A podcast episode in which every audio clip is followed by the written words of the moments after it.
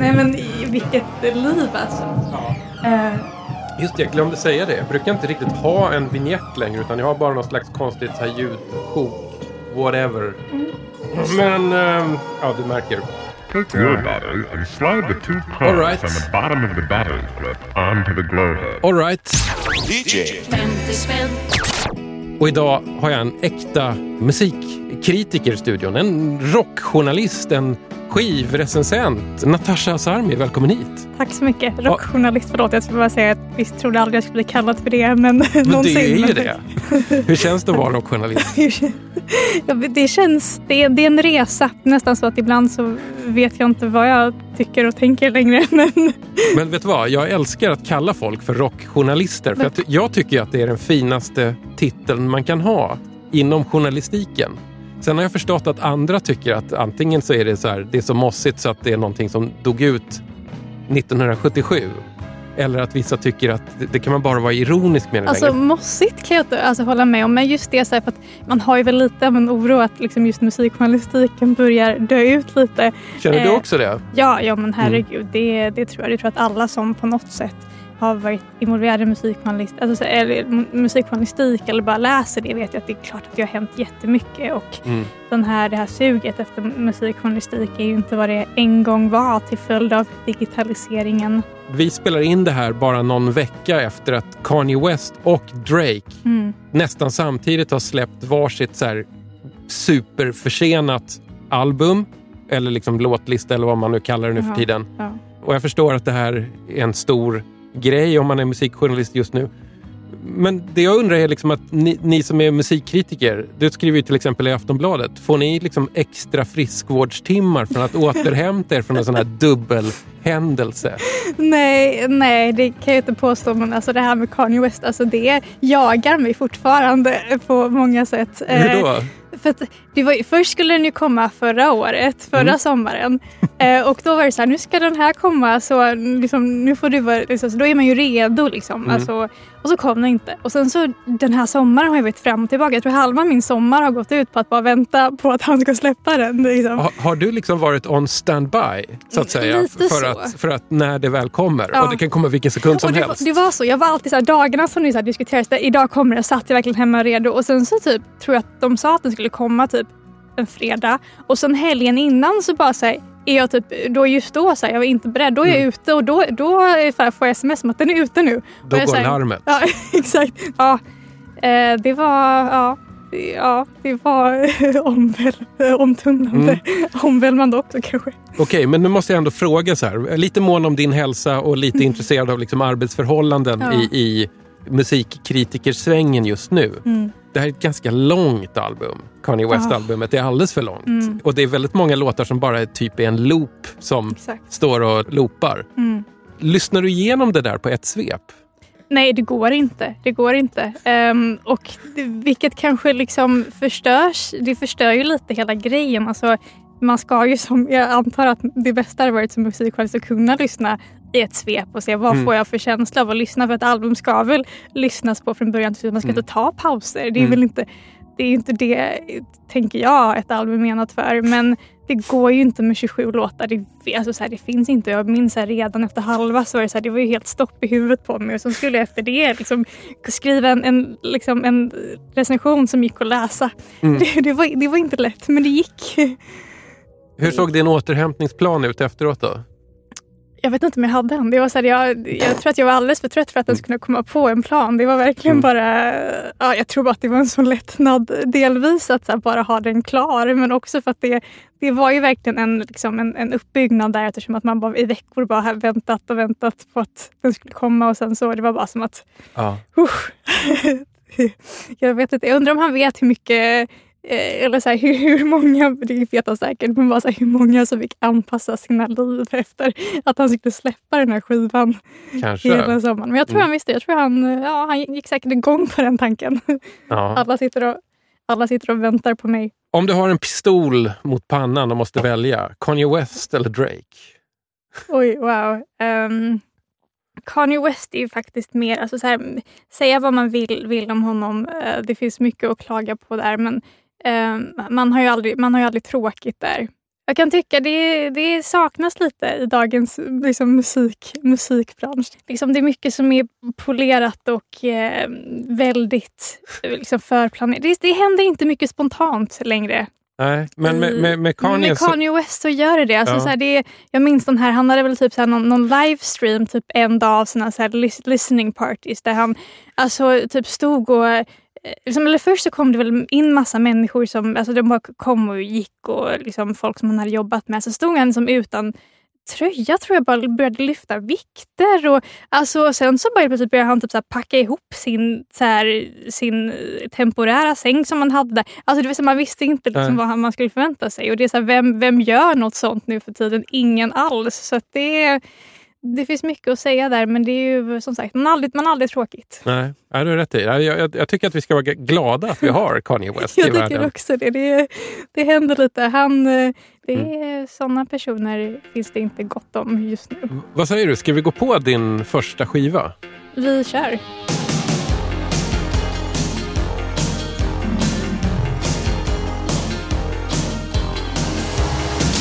Nostalgiköpet.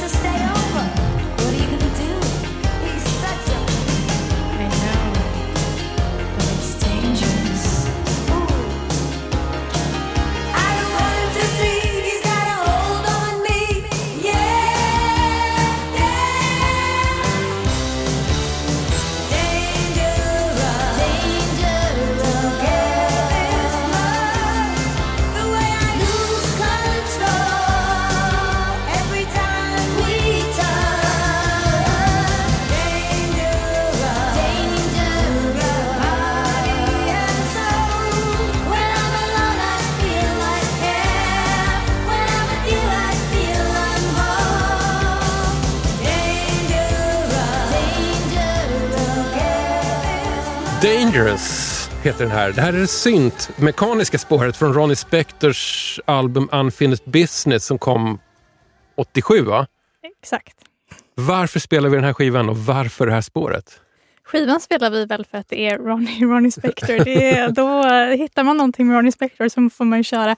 Ja. Eh, men det här spåret tycker jag Jag tycker egentligen nog att det är liksom det, alltså det spåret på albumet som har liksom mest glöd och mest driv. Mm. Och jag tycker också att det är intressant för att det, det är så, alltså så här, det är, jag tror inte att jag tror det är väldigt få som har hört den här låten. Det här, den fick liksom inte någon typ av uppmärksamhet fast jag skulle säga att jag tycker att den är mer intressant än liksom de stora hitsinglarna. Nu nu måste vi bara kontextualisera det här. Alltså Mm. att Ronnie Spector Unfinished Business heter den här skivan och jag tror att vad var hittarna för den här? Love on a Rooftop vet jag att jag har hört. Exakt. Som jag tror släpptes på singel i alla fall. Och Exakt. någon mer kanske. Exakt, men, men Dangerous eh, lockade mig mest. Mm. Det här är ditt eh, nostalgiköp.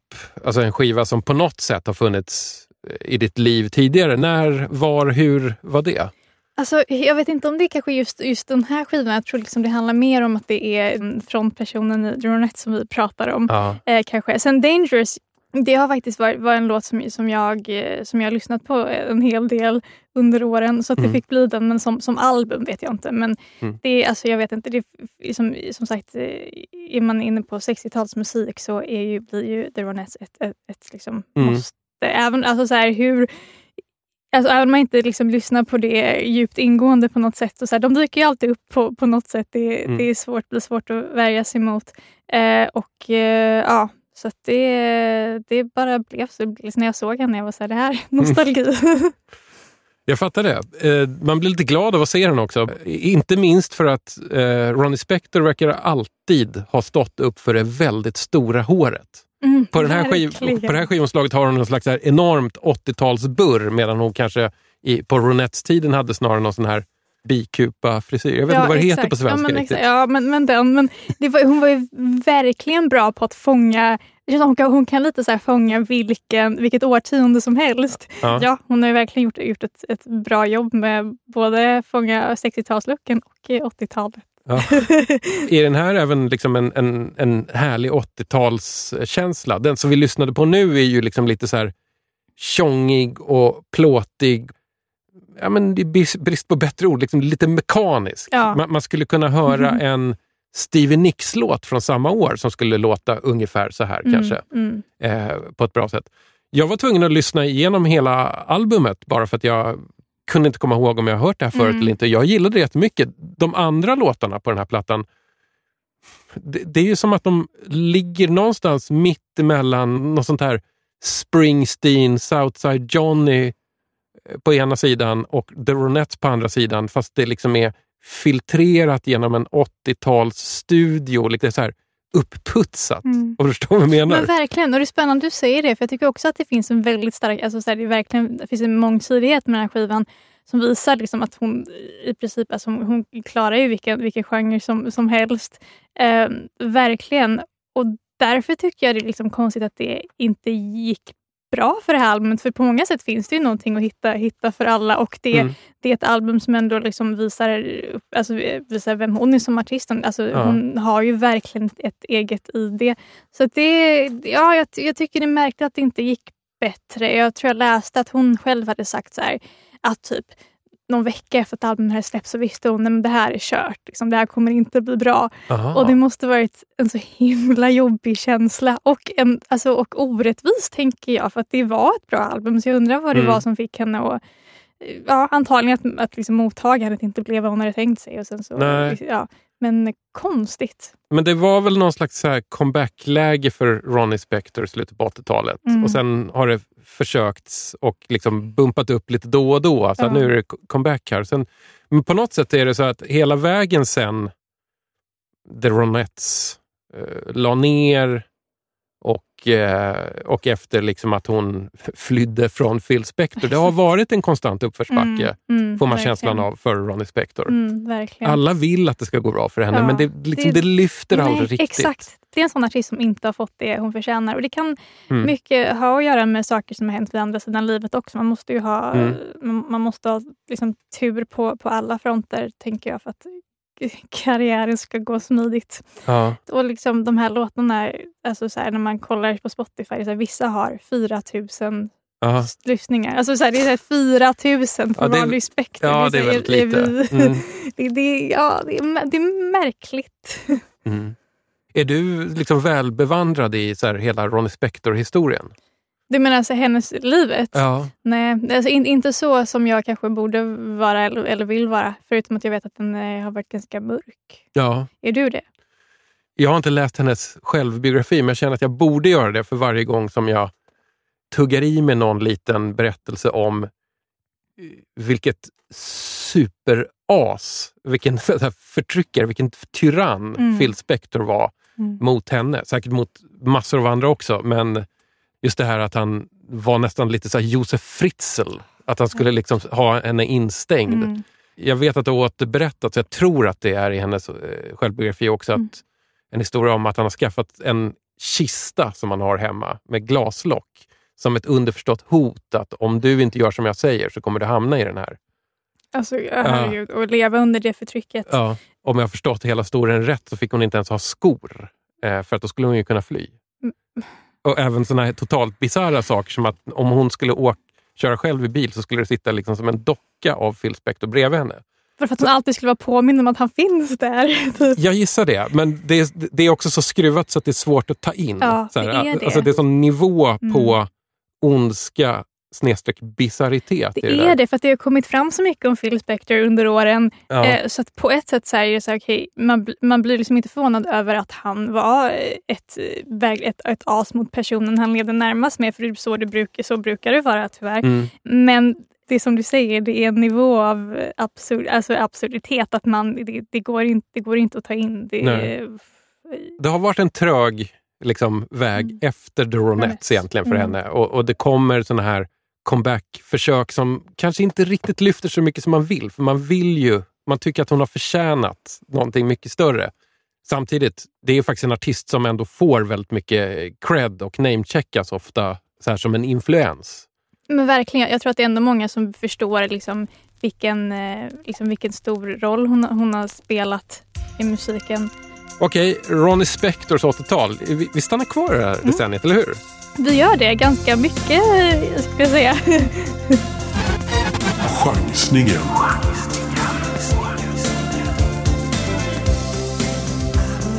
was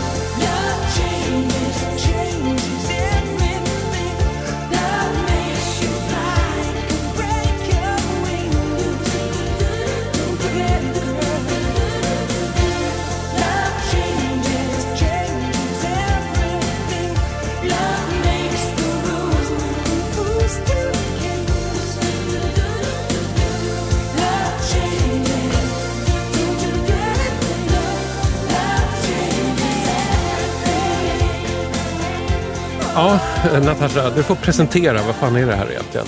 Vad fan är det här? Det är inga mindre än Climby Fisher. Mm. Love changes everything. Du har köpt albumet som heter eh, Everything. Everything, precis. De plockade lite där från låttiteln. Ja, precis. I början där, Mm. det låter ju som en Rod Stewart-låt från 1980-talet. Det, där.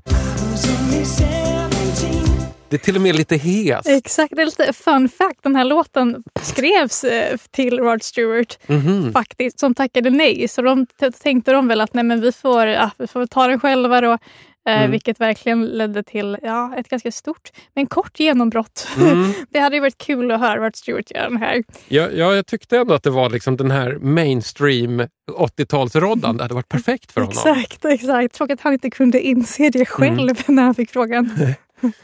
Det här var din chansning. Mm. Vad var det som fick dig att chansa på den här? Med omslaget var det verkligen, det ser lite ut som ett så här, jag var så här, är det här ett, eh, är liksom ett skivomslag eller är det liksom ett modeuppslag? Ah, Det är ju alltså det det är väldigt, väldigt snygga ehm, Ja. bilder som verkligen det fångar ju 80-talet. Alltså ser Ja. du liksom eh, frisyren och liksom poserna och Mm. kläderna och Mm. allt. jag ska försöka beskriva. Det är Ja, liksom flera små bilder. Om man tänker sig som en, ungefär lite som en ja, men som outtakes från en modeplåtning i ett här eh, modemagasin från 1987. Mm. Det är lite mustigt svartvita foton och de har lite så John Lennon-solbrillor, eh, linnen. De är lite rockiga men fortfarande liksom lite söta. Exakt. De är inte livsfarliga. Nej, liksom. svärmorsdrömmar. Nej, men exakt, det finns intressanta bilder på baksidan också tror jag. Eh, Med lite roliga, roliga poser. Eh, nej, men det fångar väl musiken ganska bra. Det är Eh, väldigt 1987. Verkligen, verkligen på tal. Vi pratade ju om att Ronnie Spector fångar sina årtionden bra Mm. men det här är ju liksom, det blir, det blir inte mer Mm. sent 80-tal än, än det här. Var vill du vara när du hör det här? På en jag på- strand. Ah, okej. Jag kände lite så här att skulle vi sitta i en sportbil? ja, Men det kanske inte är en så här, prestige sportbil. Det är liksom inte en Maserati eller något sånt där. Utan kanske en, så här, du vet, en lite så fräsigare Toyota. ja. Det, det är någonting med liksom hur den här låten glider fram som känns som det. Ja, kul. Med liksom lite så vinden i nacken och sådär. Ja. Men du, vi- vilka är Climby Fisher egentligen? Vad, vad vet man om dem? Nej, men det är väl en, en duo som eh, träffades. De var väl så sessionmusiker på, liksom Mm. i Abbey Road. Mm. Eh, och deras vägar korsades. Så började de göra musik tillsammans. Och sen så jag vet inte om det var liksom tanken att de skulle liksom debutera som en duo på det här sättet eller om det var just i det här med Rod Stewart-låten. Att det var Mm. så här, okej han tackade nej, ska vi göra den själva då? Um, jag är lite osäker på det. Men ja, men det var väl, ja, sen så gick det ju väldigt snabbt för dem. Det är Ja. den här låten och det här albumet. Och Mm. Det gjordes väl en hiphop-remix på den här låten också Mm. som eh, fick Så- dem att lyfta Ja, ytterligare. men visst. Och den är verkligen, jag kan rekommendera, den, den finns där ute på streamingtjänster och allting. Det, det är Ja. verkligen så här, om ni vill lyssna på en hiphop-remix på en mainstream poplåt lät 1987, så lyssna på hiphop-remixen.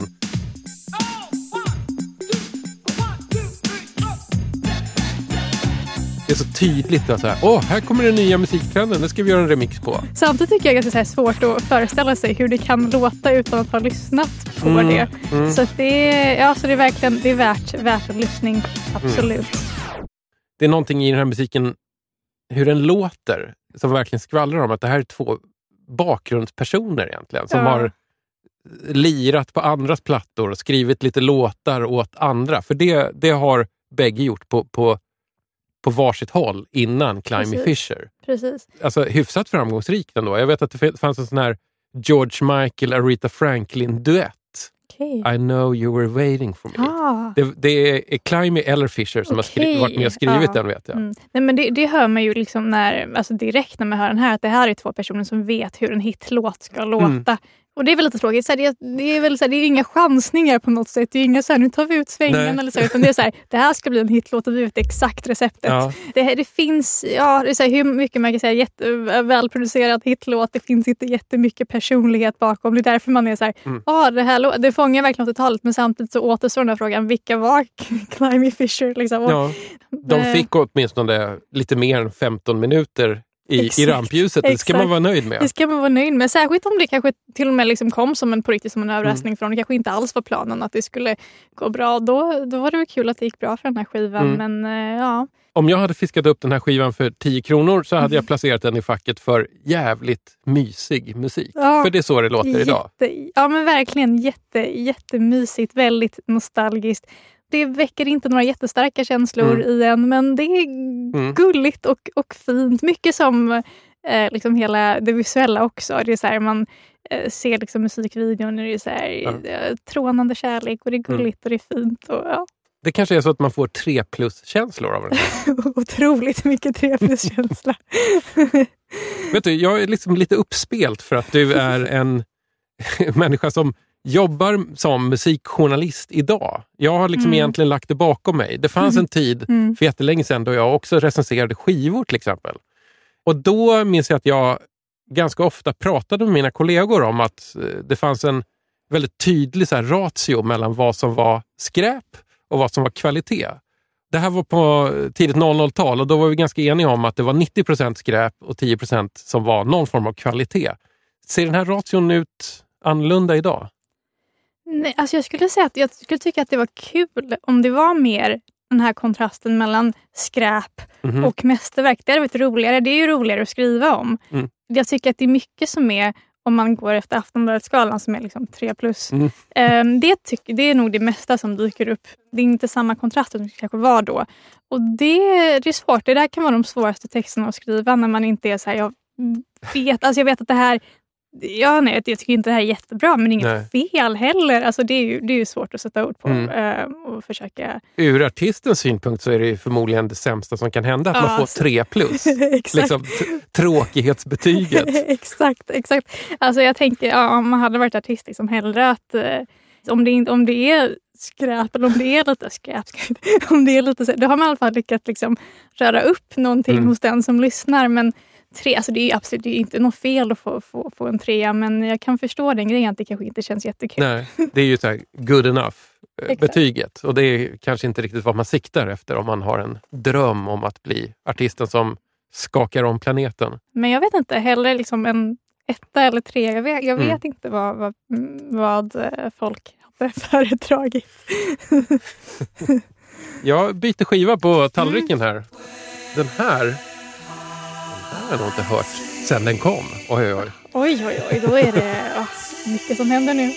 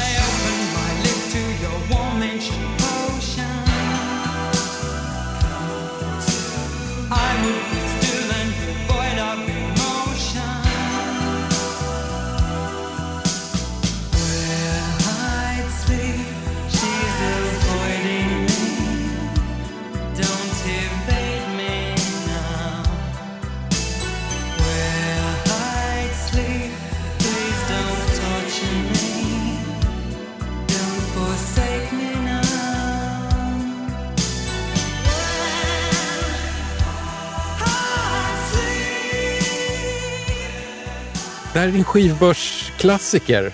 Alison Moyet. Where Hides Sleep heter den här låten. En låt som jag absolut inte kommer ihåg det Nej. minsta.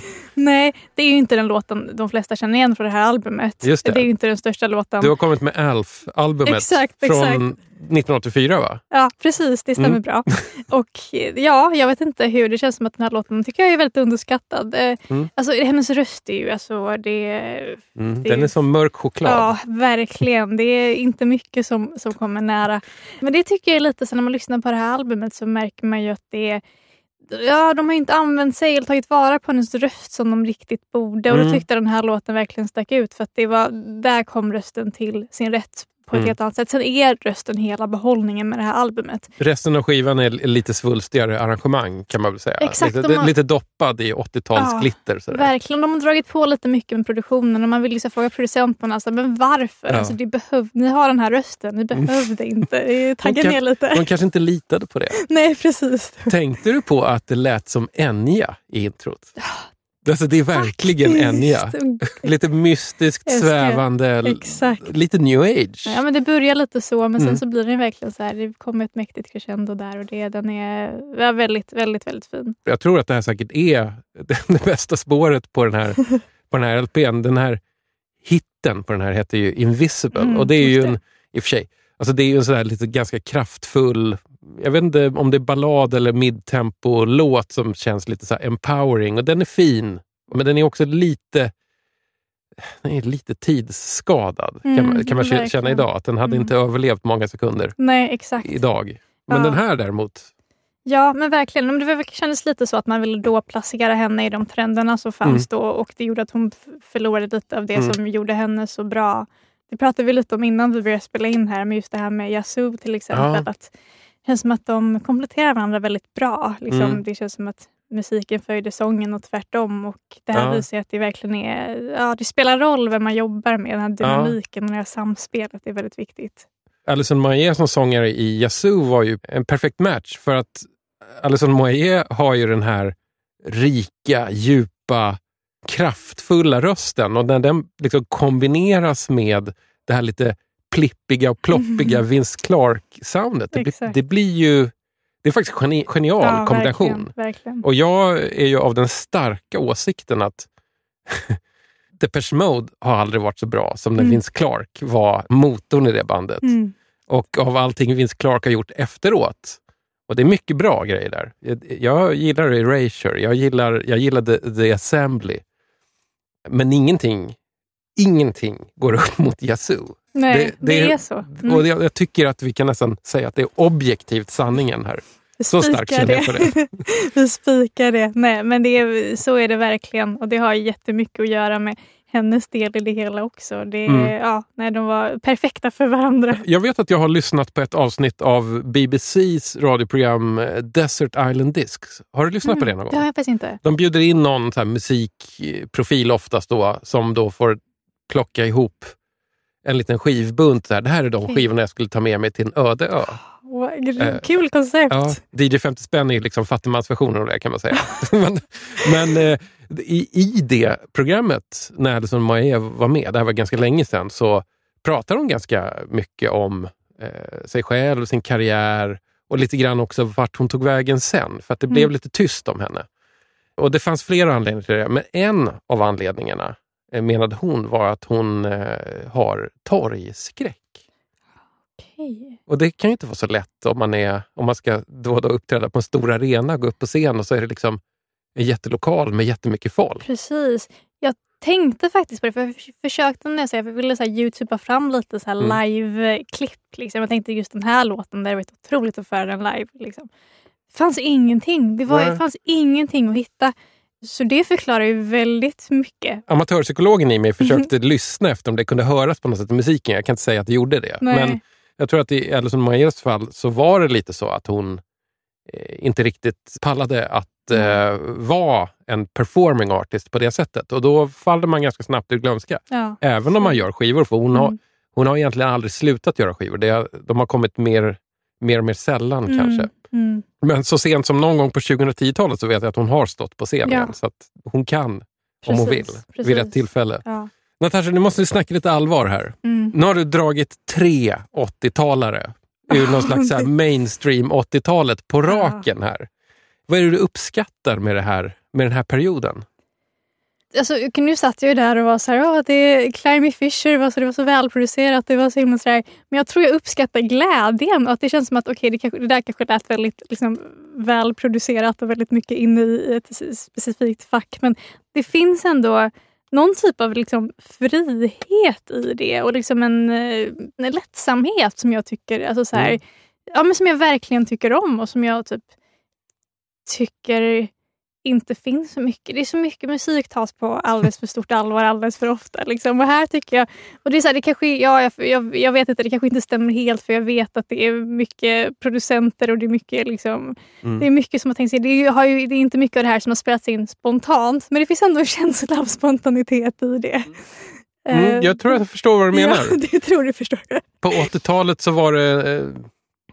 Det kanske fanns en känsla av frihet. Det Mm. kanske fanns en känsla av att man skulle skaka av sig sånt från tidigare årtionden. Att det skulle vara väldigt politiskt kanske.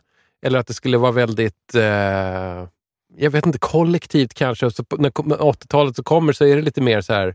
Satsa på dig själv, vind i håret när du kör din Exakt. lilla sportbil. Ja, Större, fläskigare, glittrigare, bättre. precis, precis så. Jag undrar om det är det som de är ute efter på liksom kommersiella radiostationer. Mm. Varje gång jag Mm. rattar in en kommersiell radiostation, i alla fall här i Stockholmsområdet, så är det väldigt mycket oldies. Och oldies är ofta från 80-talet Ja. av någon anledning.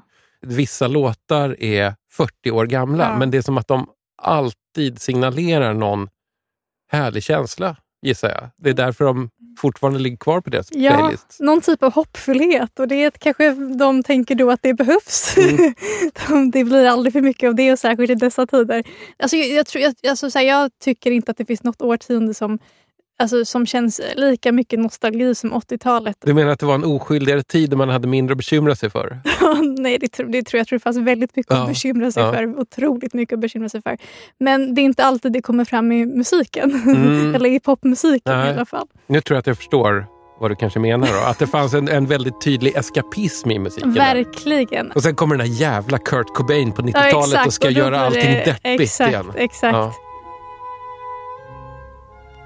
Du, nu tänker jag att vi byter genre, tid, sammanhang. Helt och hållet. Vi byter universum. Ja.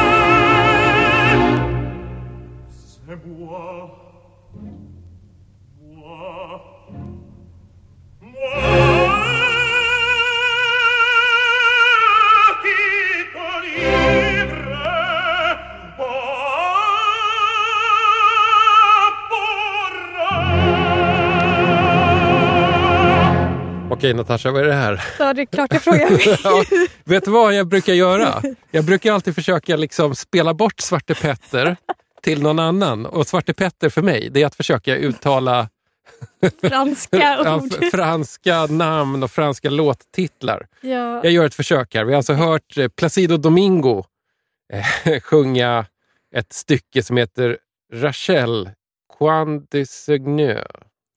Från en opera som heter La Juive, som är, om man översätter det då till Judinnan, Mm. en 1800-talsopera av Halevi. Ja, Hal- det tycker jag tror- Ja, vi Det säger, går ju säger att det strålande det här. Ja, jag, jag, jag tog en kul här. Ni som är franskspråkiga där ute, mejla hat till hej dj50spann.se. Jag vet att jag är superdålig på det här. Det här är ditt random access vinyl-fynd. Vad kände du när du fick upp eh, någon slags greatest hits-platta med franska operaarior av ja. Placido Domingo? Jag tänkte väl att det här kan gå lite hur som helst och Mm. det är väl det som är spänningen också med Mm. det här.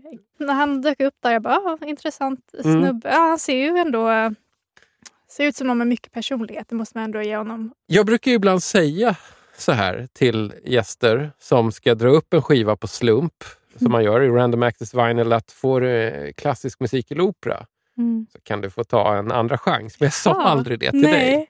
Och lite anledningen till att jag brukar säga så är att jag känner att jag kan nästan inte prata om den här musiken. Vi, gör- vi gör ett försök här. Mm. Nej men det är svårt. Jag tror att jag tror det är svårt om Mm. man inte har det med sig och inte är superinsatt. Nej. Men vi gör det på vårt primitiva sätt. Kände du någonting när du lyssnade? Ja, men det gjorde jag faktiskt. Och just också för att jag eh, kollade upp eh, bakgrunden till den här operan. Aha. Som handlar då om eh, en, en kristen man och en judisk kvinna som inte kan vara tillsammans. Så därav, Mm. därav namnet. Mm. Ehm, och jag skulle väl ändå...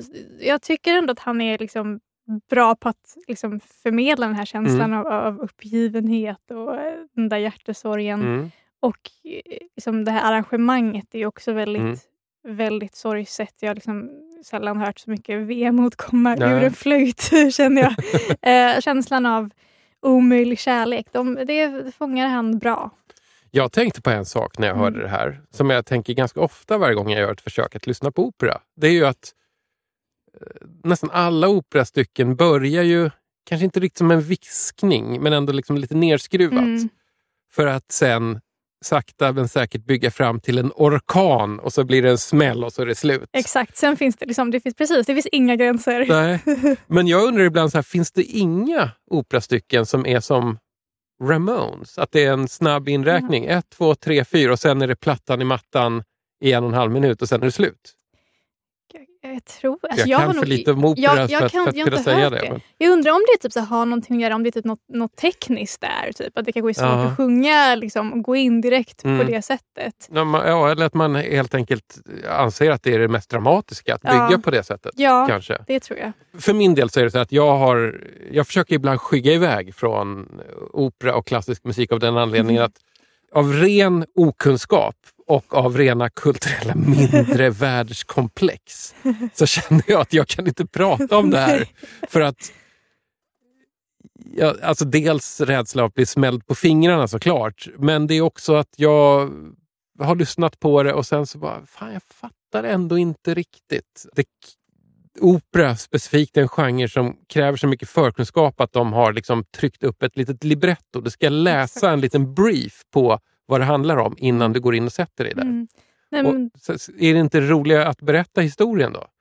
Men, men ni hör ju att jag fattar Ja. ju inte den här nej, exakt. Nej, men jag, Ja. nej, nej, och det, det förstår jag. jag tror, ja, nej, men jag håller med. Jag också. Det, är, det är svårt att ta till sig om man inte är en Ja. van lyssnare. Men Mm. jag tror också att det finns, alltså, så här, det är tråkigt att det ska finnas en försiktighet att inte liksom, Mm. våga prata om den här typen av musik. Nej, man är så det, rädd men det är ju egentligen mitt problem. Det ska vi inte lasta operagenren för egentligen. Ja, nej, men, nej, men, samtidigt eh, så måste man nog ändå credda lite den, den här typen av operastjärnor som Placido Domingo är. Att de har nog gjort allt vad de kan för att liksom popularisera och kommersialisera operagenren. Mm. Ja, men Placido Domingo var ju en tredjedel av de tre tenorerna. Det var Luciano Pavarotti, det var José Carreras och det var Placido Domingo. Mm. Och det var ju som det var ju nästan som ett pojkband fast med operagubbar som också tog fram det här svulstigaste, mest liksom italienska och liksom mest lättillgängliga opera och gör arenaturnéer. De suddar verkligen ut gränserna. Och sen kom det ju typ ett, ett operapojkband på, vad heter de, Il Divo va? Ja, just det. Det, de får man ju inte glömma. Nej. Men det kan ju vara de här tre eh, som satte lite så starten Ja. för det. Placido Domingo ska vi också nämna. Han hade ju faktiskt en helt vanlig, nästan, pophit på listorna någon gång i början på 80-talet tror jag. Han och John Denver, ja alltså, Oh, alltså svärmorsdröms country, inlaw country-legenden John Denver och Placido Domingo gjorde en låt tillsammans som heter Perhaps Love som var ja, men egentligen så här, ganska klassiskt exempel på hur man blandar en popballad och operaaria i samma låt. Och den gick ganska bra. Så han, det var liksom, han hade den här rollen som alltså, operasångare Ja, där han, också. han, han levererade wow, vibratot Oj. liksom.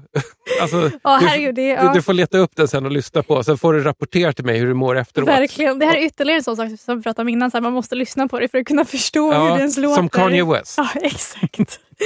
exakt.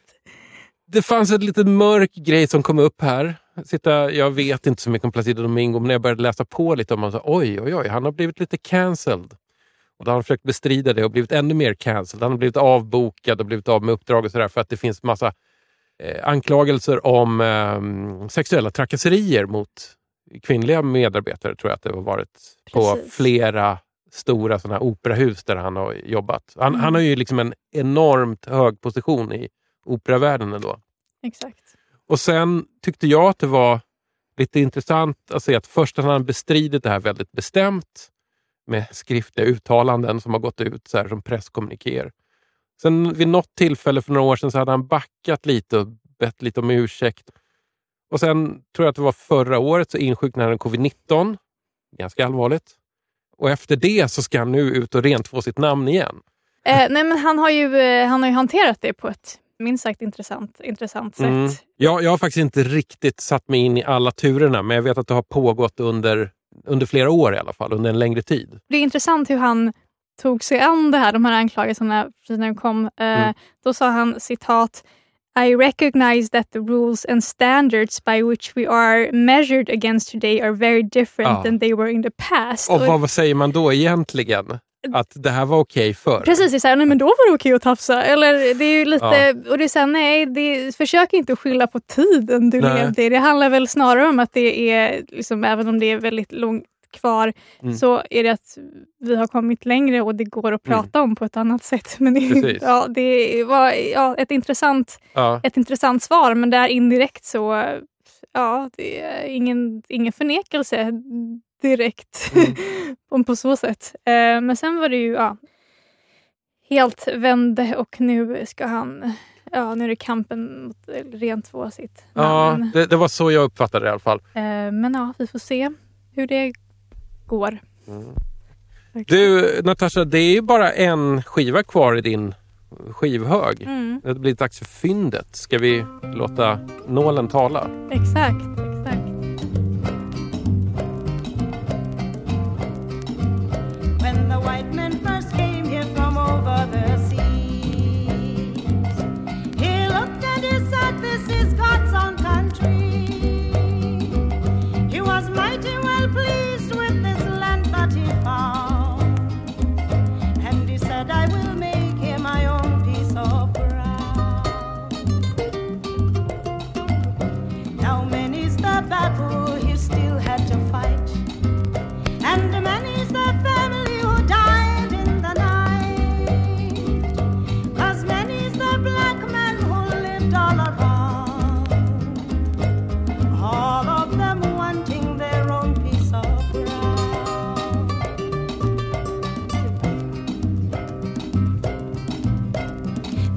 one fine day in 1883, gold was discovered in good quantity. Now the country was rich and was richer than planned, and each digger wanted his own piece of land. White diggers were few, and the gold was so deep. Black man was called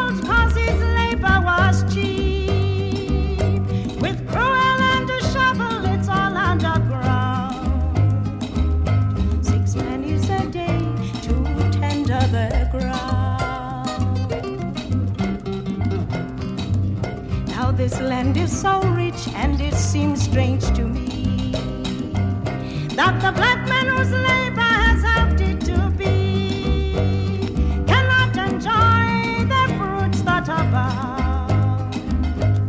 uprooted and kicked from his own piece of land.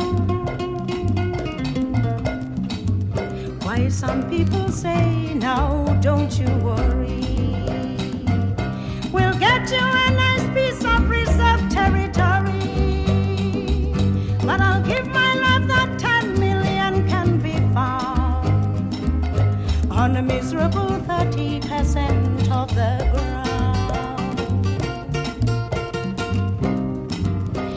some people say, no, don't you worry. You can always find jobs in the white man's city. But don't stay too long and don't stay too deep. For you're bound to disturb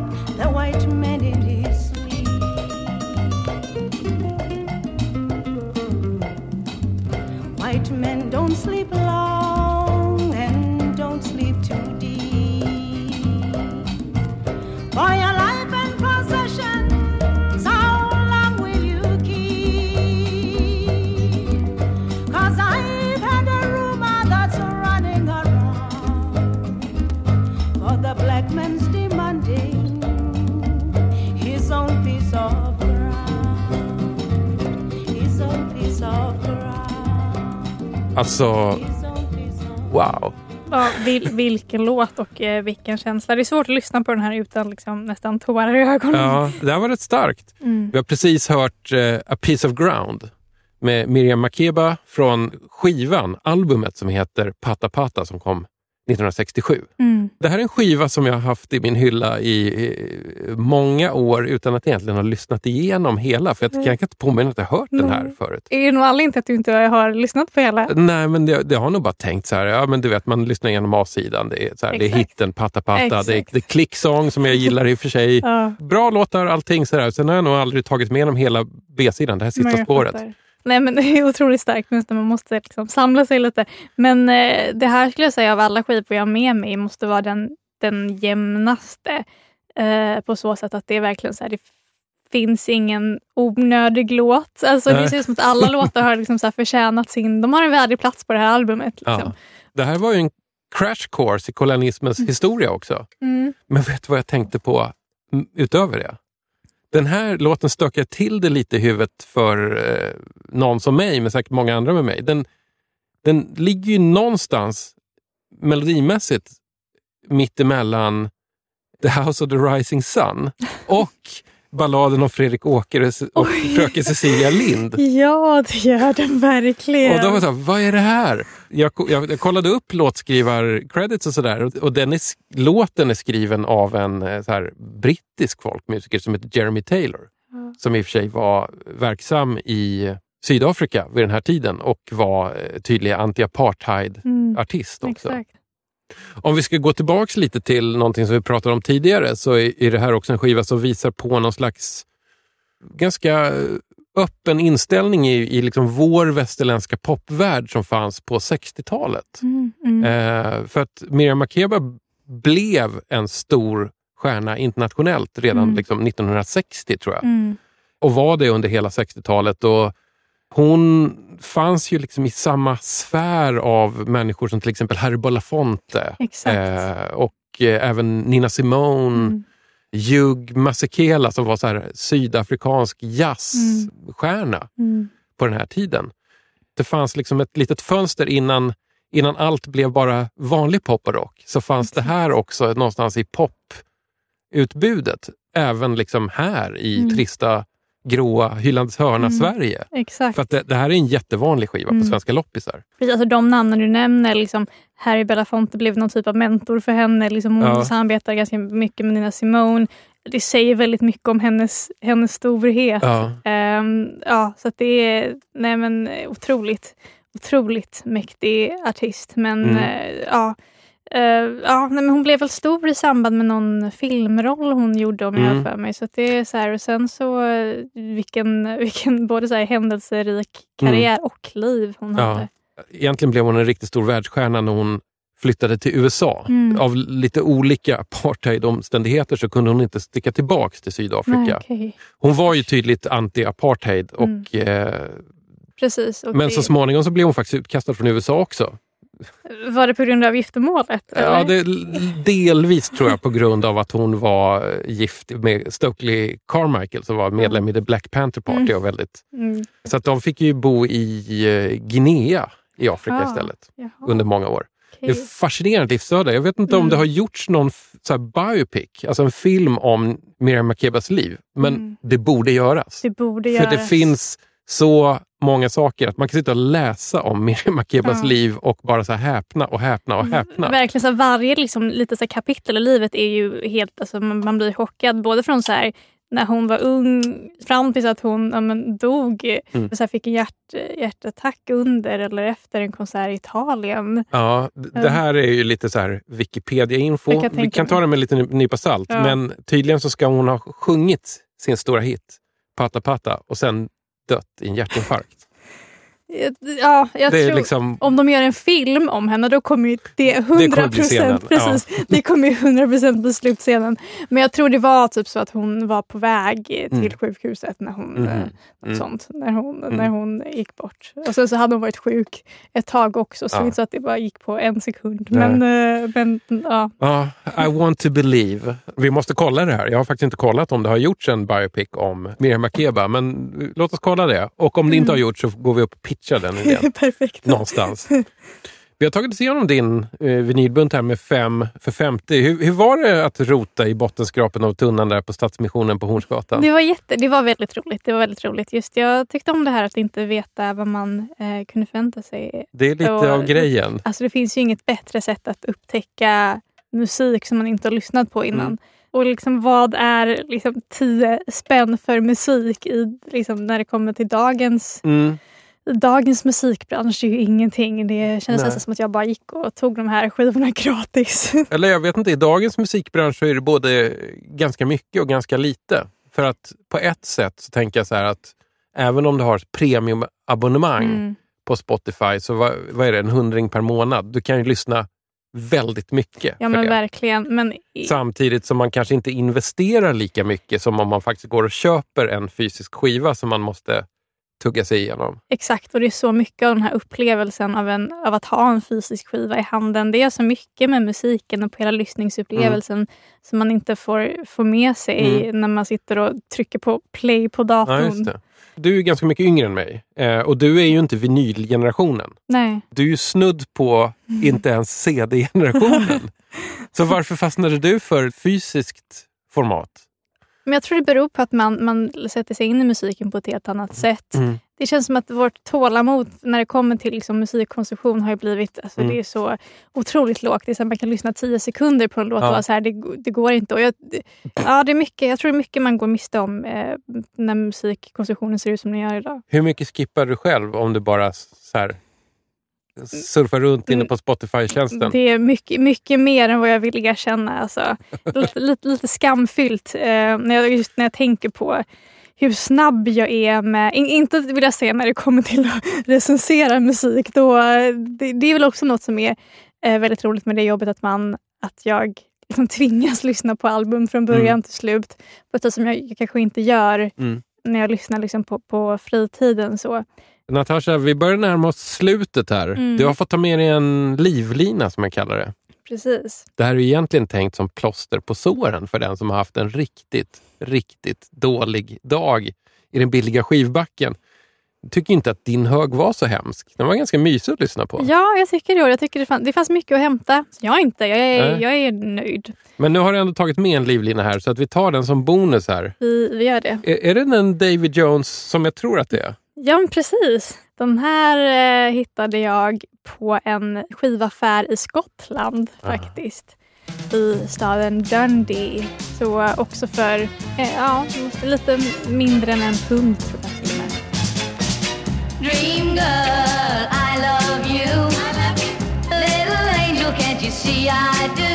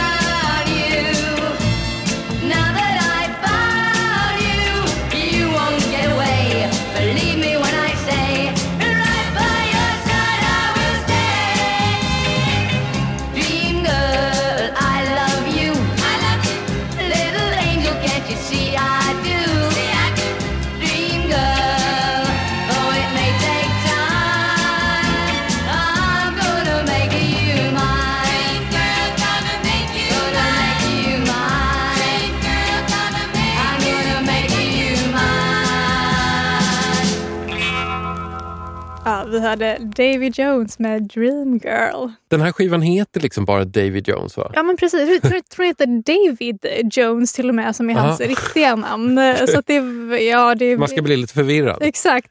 rolig grej med, med den här skivan och den här låten s- framför allt, är att hur man än gör så låter den lite upppitchad. Det blir alltid en liten feeling av smurf på det här. Är inte det någonting med hans röst? Och det, är så här, det känns som att det, oavsett vilken låt man lyssnar på, även under Ja. mörkrets tid, så här, den biten där han sjunger, Ja. eller så här, om det är på hans låtar, så är det, det är bara, han har en in, inbyggd pitch Ja, men jag, jag- tror att även om, om jag skulle liksom pitcha ner på skivspelaren nu så den går lite långsammare, skulle fortfarande låta liksom Ja, väldigt exakt. upppitchat. Så här. Men det samtidigt, man blir, eller jag blir väldigt glad och uppiggad av det. Det är som att Mm. få en liten lätt elektrisk stöt. Ja, och det tycker jag är kännetecknande för all musik, eller inte all musik han gjorde, men mycket av den musiken han gjorde Ja. och mycket för honom. Han hade liksom en energi och en livfullhet som verkligen gjorde att han på många sätt stack ut. eh, Liksom, och särskilt när han var med under tiden i, i Monkeys. Ehm, det fanns liksom en, en, ja, en mys, ja, det var mysigt och det var väldigt ungdomligt.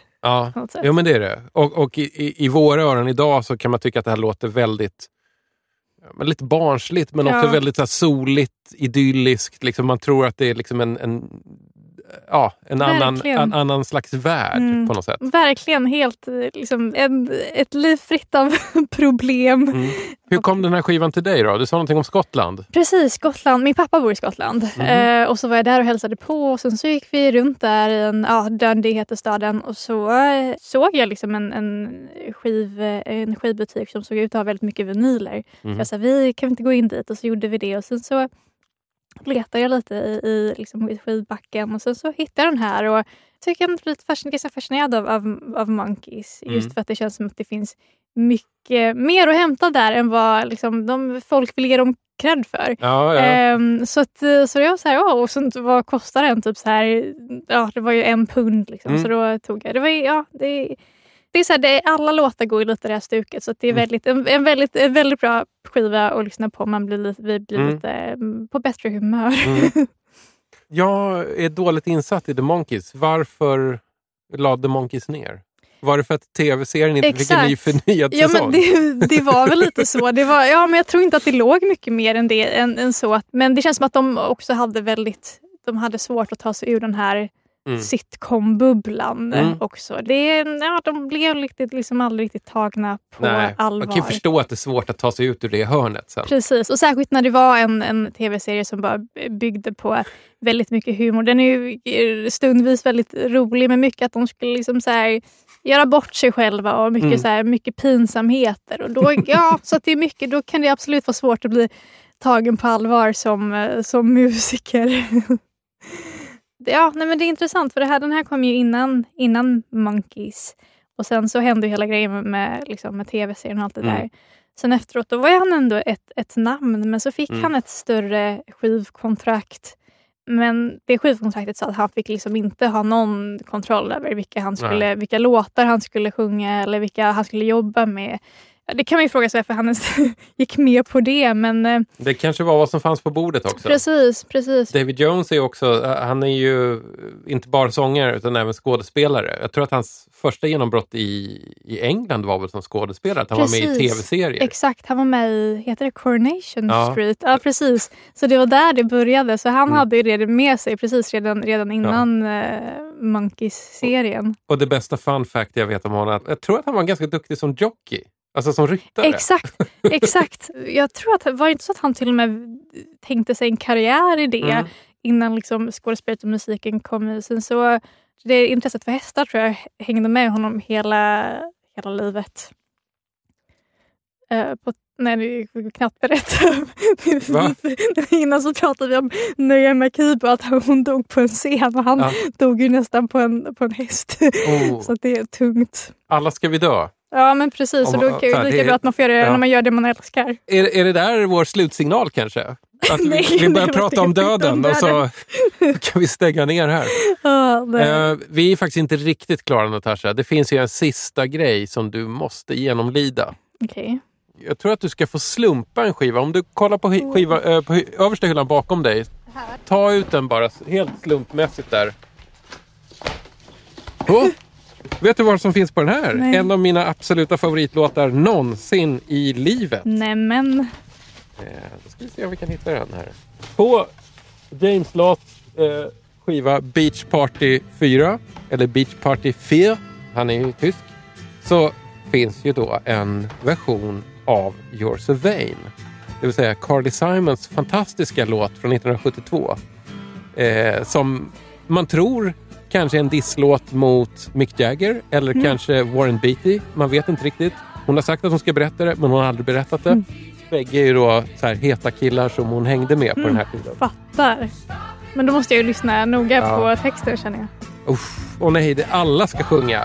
Ja, det är det. Ja, det, ja, men det är ju partyplatta här. Alla ska sjunga. Alla ska vara med. Alla ska med.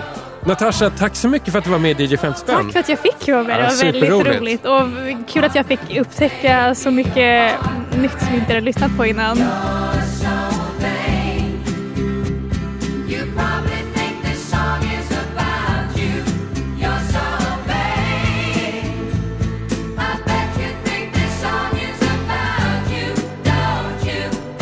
Till och med av James Last är låten bra.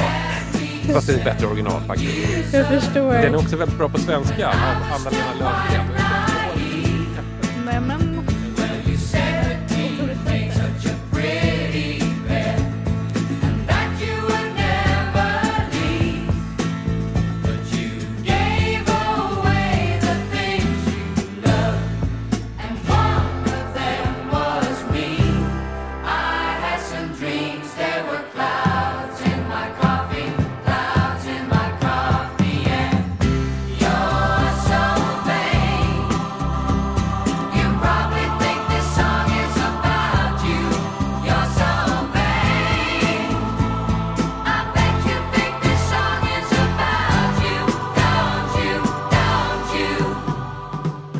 DJ 50 spänn är en fristående, frifräsande och frisinnad musikpodd som görs for the hell of it. Och DJ 50 spänn finns på flera olika sociala medier. På Instagram, på Facebook, på Twitter. Dela gärna vidare mina inlägg eller tipsa själv i sociala medier eller i verkligheten. DJ 50 spänn görs i samarbete med produktionsbolaget Rundfunk Media. Och jag som sitter här bakom mikrofonen och bakom spakarna heter Tommy Jönsson. Vi hörs snart igen.